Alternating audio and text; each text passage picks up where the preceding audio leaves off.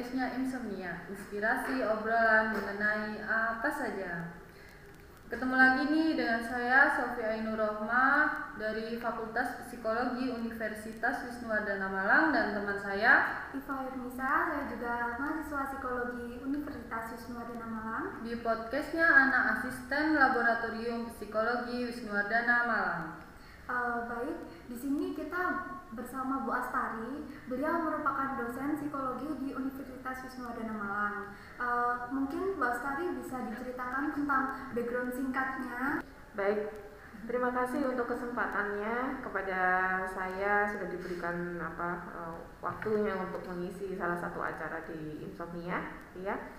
Baik, perkenalkan nama saya nama lengkap saya Dwi Astari Anggraheni. Ya, saya juga mengajar di Fakultas Psikologi Universitas Wisnuwardana Malang. Kalau biografi, background pendidikan saya untuk yang S1 saya alumni Universitas Wisnuwardana Malang. Jadi saya angkatan 2001 gitu. Kemudian untuk yang S2-nya saya alumni Universitas Muhammadiyah Malang. Untuk di sini saya ngajarnya ada beberapa mata kuliah ya tiap semester akan berbeda gitu ya. Ada mata kuliah perkembangan satu maupun dua. Saya juga ngajar observasi dan interview. Kemudian saya juga ngajar psikologi kognitif. Gitu. Itu biografi singkat dari saya. Eh, ngomong-ngomong, walaupun kita sudah bulan Maret ini, eh, kita punya topik menarik loh terkait eh, Hari Kasih Sayang, yang di mana kemarin kita bulan Februari pasti banyak dong yang eh, merayakan adanya Valentine itu. Dari situ banyak banget pembahasan tentang bagaimana sih cara seseorang untuk me- mengekspresikan cinta atau biasanya disebut dengan love language. Eh, kenapa sih kali ini kita harus membahas love language ini? dan bagaimana cara mengungkapkan love language ini ke orang-orang terkasih kita. Uh, karena itu, yuk simak terus uh, obrolan di podcast Insomnia kali ini. Selamat datang di podcast Insomnia Bu Astari. Ya, terima kasih. Bagaimana kabarnya hari ini? Alhamdulillah sehat-sehat. Semoga adik-adik juga sehat semua ya hari ini. Nah, sedikit disinggung tentang pembahasan kita terkait apa sih love language itu dan bagaimana menurut pandangan psikologi mengenai love language ini. Bisa dikasih penjelasan sedikit atau gambaran tentang love language ini? Ya, terima kasih Mbak. Eh, kalau kita mau masuk love language, saya rasa penting lah untuk kita sepintas tahu love itu sendiri apa, cinta sendiri itu apa, gitu kan ya. Karena kalau eh, biasanya eh, kebanyakan orang itu cinta, kalau ada kata-kata cinta itu hanya sebatas pasangan, sepasang kekasih, pasangan suami istri. Padahal cinta itu lebih luas dari itu, gitu ya. Cinta itu bisa anak dengan orang tua, ya kan, dengan saudara atau keluarga, dengan teman, gitu ya. Jadi cinta itu sebetulnya tidak sebatas pas sepasang kekasih, gitu kan ya. Nah, cinta sendiri itu apa sebenarnya? Cinta itu ya perilaku yang mengandung kasih sayang, kasih sayang yang tulus. Jadi tidak ada yang namanya eh, menginginkan atau berharap balasan-balasan khusus atau timbal balik gitu ya. Itu tuh cinta tuh seperti itu. Di mana di dalamnya itu juga masuk yang macam-macam emosi. Jadi melibatkan emosional gitu ya. Bukan ada rasa cemburu gitu ya. Apalagi kalau rasa cemburu itu cinta yang khusus. Biasanya antar pasangan pasti ada cemburu gitu ada kegembiraan ada kecemasan mencemaskan satu sama lain itu juga bentuk cinta gitu. Kemudian kalau cinta itu sendiri sebenarnya sebelum kita masuk love language ya, cinta itu sendiri itu sebetulnya kalau di psikologi ada macam-macam bentuknya gitu. Yang pertama singkat-singkat aja ya mbak ya. Yang pertama keintiman gitu ya. Ada yang namanya keintiman. Keintiman itu di mana kita saling berbagi rasa personal, saling berbagi cerita secara mendalam gitu loh. Itu keintiman ya. Terus uh, ada keterbukaan jadi masalah-masalah pribadi saling dibicarakan bertukar pikiran curhat lah istilahnya ya gitu ya. Kemudian yang kedua ada yang namanya cinta persahabatan. Ya, ya pasti udah paham ada adik uh, atau pemirsa cinta persahabatan seperti apa cinta persahabatan itu tidak hanya bisa terjalin antara uh, perempuan dengan perempuan teman perempuan dengan teman perempuan tapi juga bisa lawan jenis itu juga bisa juga tapi memang ada kalau persahabatan laki-laki dan perempuan tidak menutup kemungkinan itu akan melanjutkan ke atau berlanjut ke cinta romantis ya. Jadi dari cinta persahabatan kok memang ada banyak kecocokan terus masuklah ke cinta romantis gitu. Ada juga yang menyebut cinta romantis itu cinta bergairah.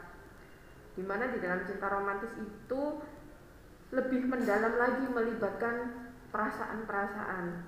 Salah satunya ya tadi itu seperti cemburu gitu ya kecemasan. Kemudian kalau antar pasangan biasanya diwarnai dengan adanya uh, keinginan seksualitas yang menjurus ke sana gitu ya.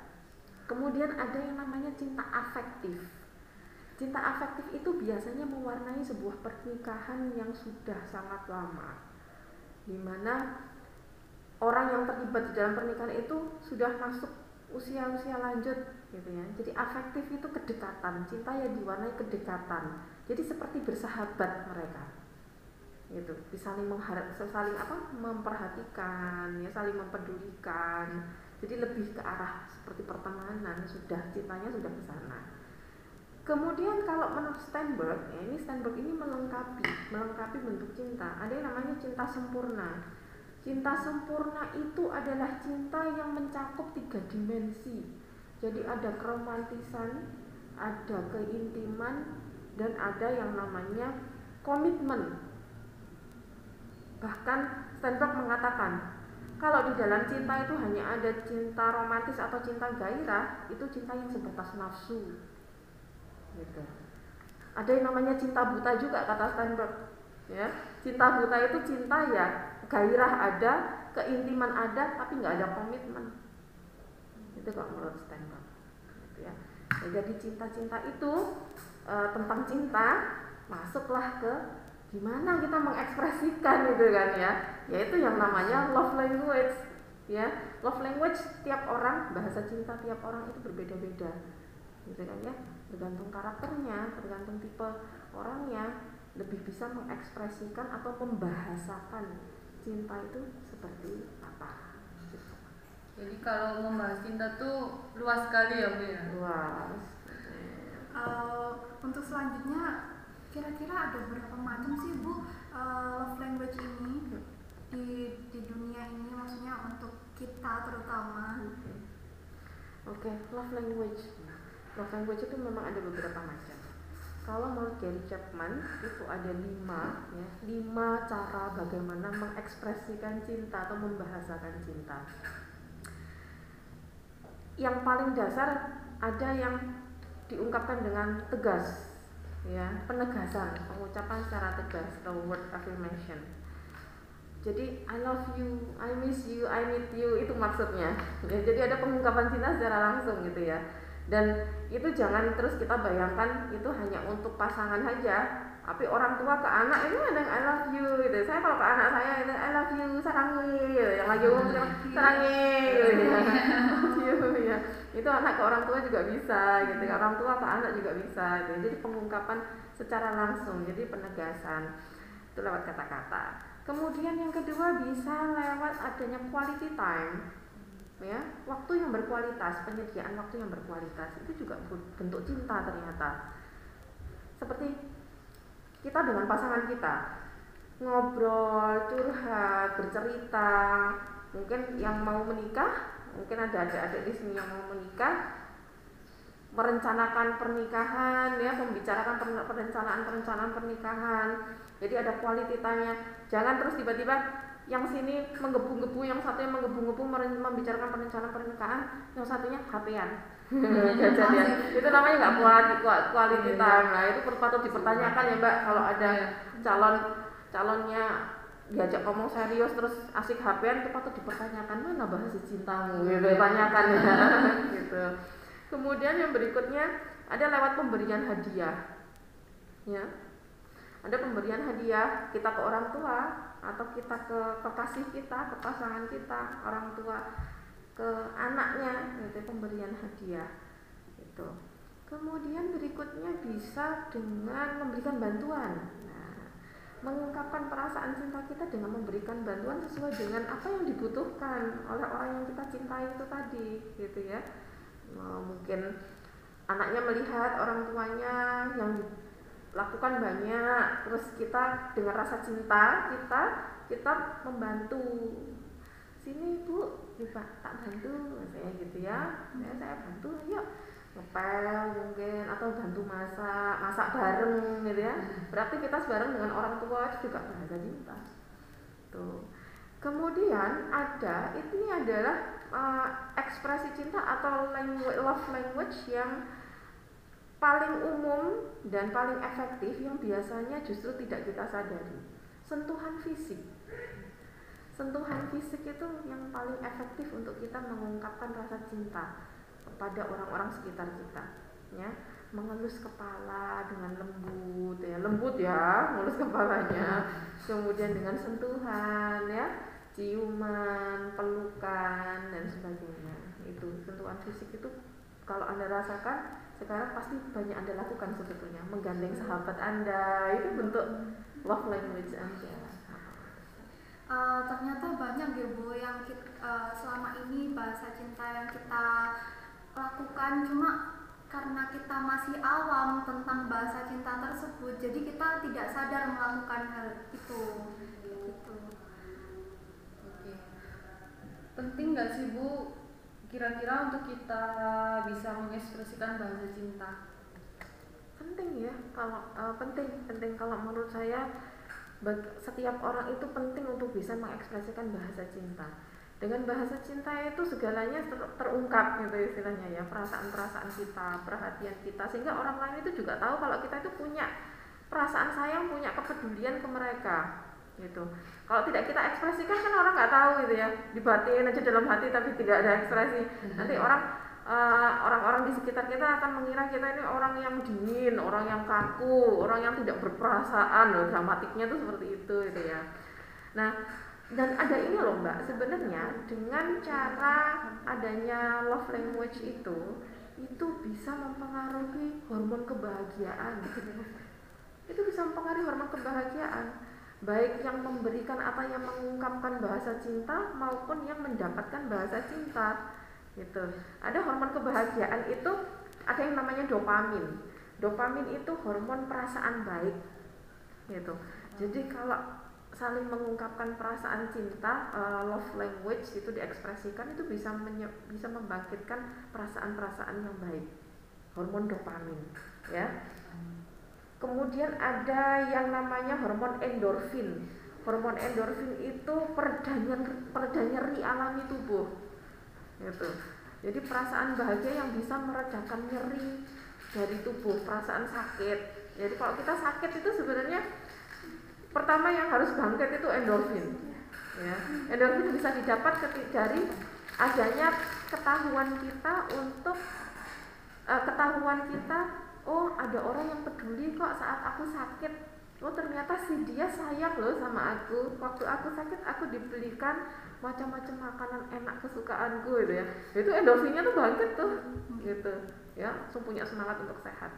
Kemudian ada hormon oksitosin. Nah hormon oksitosin ini yang namanya hormon cinta gitu ya. Bisa dari pelukan bisa dari quality time tadi gitu ya. Bangkit dari quality time gitu ya Kemudian ada namanya serotonin, itu hormon keempat. Hormon serotonin itu hormon yang mengelola mood kita, suasana hati kita. Suasana hati juga sama ya. E, dari kalau kita tahu bahwa ada orang yang mencintai kita peduli dengan masalah kita, misalnya kita ini punya masalah gitu ya, begitu ada begitu kita kita tahu ada orang yang mengekspresikan kepeduliannya ke kita, kepedulian itu bentuk cinta itu pasti sedikit longgar kan beban pikiran kita gitu ya. Nah itu hormon serotoninnya naik gitu gitu. Jadi penting ya sangat penting uh, untuk kita bisa mengekspresikan cinta kita melalui love language itu penting. Gimana bentuknya? Ya macam-macam. Tiap orang biasanya beda tergantung sifat atau karakternya. Kalau biasanya tipe misalnya ya karakter kepribadian ekstrovert mungkin mereka akan nyaman-nyaman aja untuk mengekspresikan love language-nya lewat penegasan. I love you, miss you, aku terus sayang sama kamu gitu, gitu ya. Makanya aku ke sini waktu kamu sakit dan seterusnya. Mungkin ada yang lewat bantuan aja nggak diungkapkan kata-kata tapi memberi bantuan gitu ya. jadi pokoknya macam-macam bentuknya love language itu tiap orang beda. Tiap orang ekspresinya beda Berarti setiap karakter berbeda-beda ya Bu dalam mengekspresikan cinta. iya betul. Bisa beda-beda. Karena itu tadi uh, beda sifat atau tipe kepribadian orang beda karakter orang love language-nya biasanya beda ekspresi bahasa cintanya beda gitu.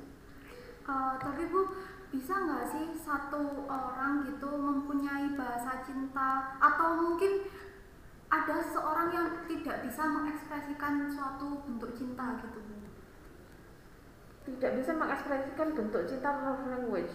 Ada yang seperti itu. Makanya saya katakan dia tampilannya akan seperti orang yang dingin kaku biasanya kalau yang seperti itu interaksi sosialnya yang terhambat. Gitu. Interaksi sosial itu kan eh, baik apa interaksi sosial itu jadi antar personalnya itu akan terhambat. Ada mbak biasanya itu orang-orang yang introvert banget introvertnya itu maksimal gitu ya. Itu ada. Jadi dingin gitu. Jadi sebetulnya dia punya cinta. Nggak ada orang nggak punya cinta tuh nggak ada. Cuman membahasakan love language-nya itu yang mungkin beliau atau orangnya eh, apa istilahnya seperti dalam hati aja gitu ya. Jadi untuk mengekspresikan itu mungkin ada rasa Kaku tidak gitu. pede heeh, jadi kaku gitu ya. Ada orang-orang yang tipe seperti itu ada ada. Karena saya juga punya eh, pernah punya apa kenalan yang seperti itu gitu loh. Ada bisa mbak. Nggak terekspresikan bisa tapi bukan berarti dia tidak punya cinta. Menurut ibu apakah love language ini berpengaruh pada kehidupan sehari-hari bu? Bisa bisa berpengaruh karena eh, hormon-hormon itu tadi kan juga mempengaruhi kehidupan kita mbak. Kualitas hormon yang tadi saya sudah sebutkan ya. Ketika kita terlalu terpuruk tersedih tidak ada yang mempedulikan itu ya kira-kira bagaimana? Kita pasti mengalami itu kan ketika kita ada ada, ada masalah kemudian tidak ada yang bisa kita ajak berbagi kita pasti merasa seolah-olah tidak ada orang yang mencintai kita. Ada orang-orang yang terlalu sensi itu kan gitu. Iya. Kok nggak ada sih yang cinta sama aku? Nggak ada yang peduli sama masalahku? Dan sebagainya gitu ya. Akhirnya kalau ada perasaan-perasaan seperti seperti itu arahnya bisa depresi kayak gitu kan. Jadi mempengaruhi hidup juga. Nah kita sebaliknya kita sendiri sebagai orang yang semestinya bisa mengekspresikan bahasa cinta pun kalau tidak kita ekspresikan itu terkadang menimbulkan eh, suatu apa ya gejolak gejolak. Simpelnya aja cinta bertepuk sebelah tangan. Oh ya ini kalau remaja-remaja orang yang masih muda-muda gini ya? Belum nikah itu ada istilah cinta bertepuk sebelah tangan. Kalau anda pernah ngalamin itu kan ada itu kan bergolak itu. Di dalam perasaannya bergolak. Karena ingin mengekspresikan cintanya nggak bisa karena kan bertepuk sebelah tangan gitu ya. Akhirnya menimbulkan kecemasan ya kan? Mungkin kita jadi sering marah-marah mengerjakan apa-apa nggak mood atau bad mood gitu ya. Diajak bercanda nggak selera nggak selera makan juga mungkin gitu ya. Jadi pasti berefek lah gitu ya. Pasti menimbulkan efek itu pasti terhadap kehidupan kita sehari-hari. Jadi satu orang bisa nggak sih Bu mempunyai lebih dari satu love language? Oh sangat bisa ya. Satu orang itu nggak terus kalau sudah ada teori tadi itu berarti satu orang harus punya satu macam love language gitu kan ya. Enggak satu orang itu bisa lebih dari satu satu love language. Bahkan mungkin satu orang bisa punya lima love language tadi gitu. Jadi dia mengekspresikannya tergantung dari tipe orang yang sekitarnya. Mungkin dia baca situasi. Oh tipe orang yang ini lebih suka apa namanya kalau saya mengekspresikan secara langsung lewat kata-kata oh si dia lagi sedih kalau aku tiba-tiba nyatakan cinta aku I love you dia pasti moodnya nggak bagus coba deh ekspresikan cinta pakai lewat hadiah misalnya gitu jadi satu orang itu bisa lebih dari satu cinta, bisa fleksibel juga gitu ya, dan bisa disesuaikan dengan masing-masing karakter orang itu. Ternyata menarik sekali ya bahasan kita tentang love language. Selain kita belajar tentang love language, kita juga mempelajari tentang apa itu cinta secara luas.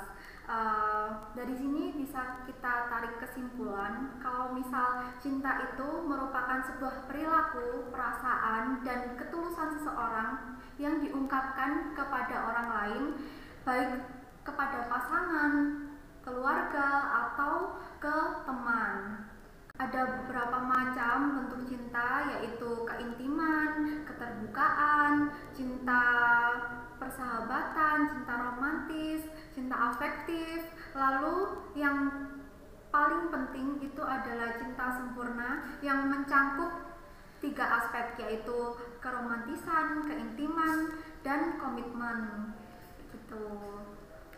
Lalu terkait dengan love language ada beberapa bentuk dari love language itu sendiri. Uh, ada yang tindakan langsung, quality time, bentuk bantuan, memberikan hadiah, dan yang terakhir sentuhan fisik. Nah, love language ini penting setiap orang memiliki dan bisa mengekspresikan love language. Dengan adanya love language ini, ternyata bisa membangkitkan empat hormon kebahagiaan. Antara lain ada dopamin, endorfin, oksitosin, dan yang terakhir serotonin. Selain itu, dengan mengekspresikan bahasa cinta, ternyata bisa meningkatkan kualitas interaksi sosial kita.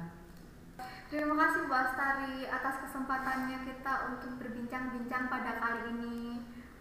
Ya, saya juga uh, mengucapkan banyak terima kasih karena saya diberi kesempatan untuk mengisi acara hari ini. Semoga bisa bermanfaat untuk kita semua ya. Amin. Untuk sobat Insom jangan lupa terus Dengarkan episode podcast selanjutnya. Bisa didengarkan di Spotify Insomnia Podcast, channel YouTube kita di Insomnia Podcast dan IGTV kita di @aslab underscore pesi. Jangan lupa subscribe, like, and comment di setiap jejaring sosial media kita. Akhir kata saya Sofia Ainur dan saya Iva Wadimisa. Pamit, see you in the next episode. Bye-bye. Bye.